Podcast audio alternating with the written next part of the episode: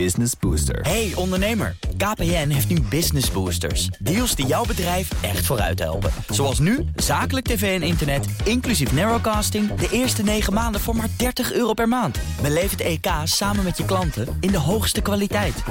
Kijk op kpn.com slash businessbooster. Business Booster. De column van Bernard Hammelburg.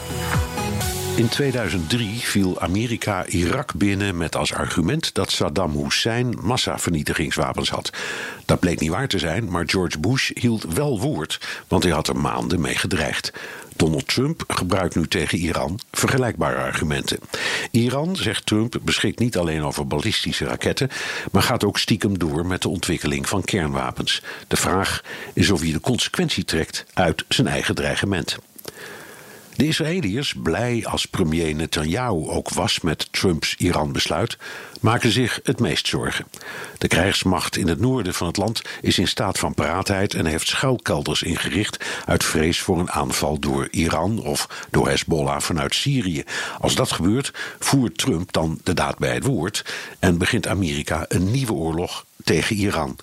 Ik waag het op een voorspelling, vergeet het maar.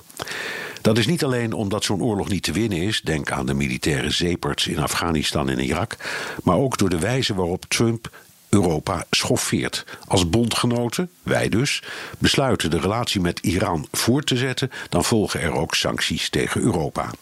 Los van de vraag of Trump gelijk heeft met zijn Iran-besluit, en niemand beweert dat hij geen punt heeft, is hij door zijn radicale presentatie en dreigementen vooral bezig zichzelf te isoleren. Hij heeft nu niet alleen ruzie met Iran, maar met de Europese Unie, Rusland en China. Nu moeten we niet net doen alsof alle gevaren acuut zijn. Het Iran-akkoord is nog geen patiënt die met loeiende sirene naar de eerste hulp moet. De hervatting van de sancties gaat via een afkoelingsperiode van 90 tot 180 dagen. Lang genoeg voor het congres of voor de bondgenoten om een konijn uit de hoed te toveren, bijvoorbeeld door Iran in nieuwe onderhandelingen te manoeuvreren. Dat wil Europa het liefst. Iran roept dat er niet over valt te praten, maar het land kan zich een nieuw en nog heviger sanctieregime niet veroorloven, laat staan diezelfde onwinbare oorlog. Als ze in Teheran en Brussel het hoofd koel houden, mogen we vast weer even doorademen. Business Booster. Hey ondernemer, KPN heeft nu Business Boosters. Deals die jouw bedrijf echt vooruit helpen. Zoals nu, zakelijk tv en internet, inclusief narrowcasting... de eerste 9 maanden voor maar 30 euro per maand. Beleef het EK samen met je klanten in de hoogste kwaliteit. Kijk op kpn.com slash businessbooster. Business Booster.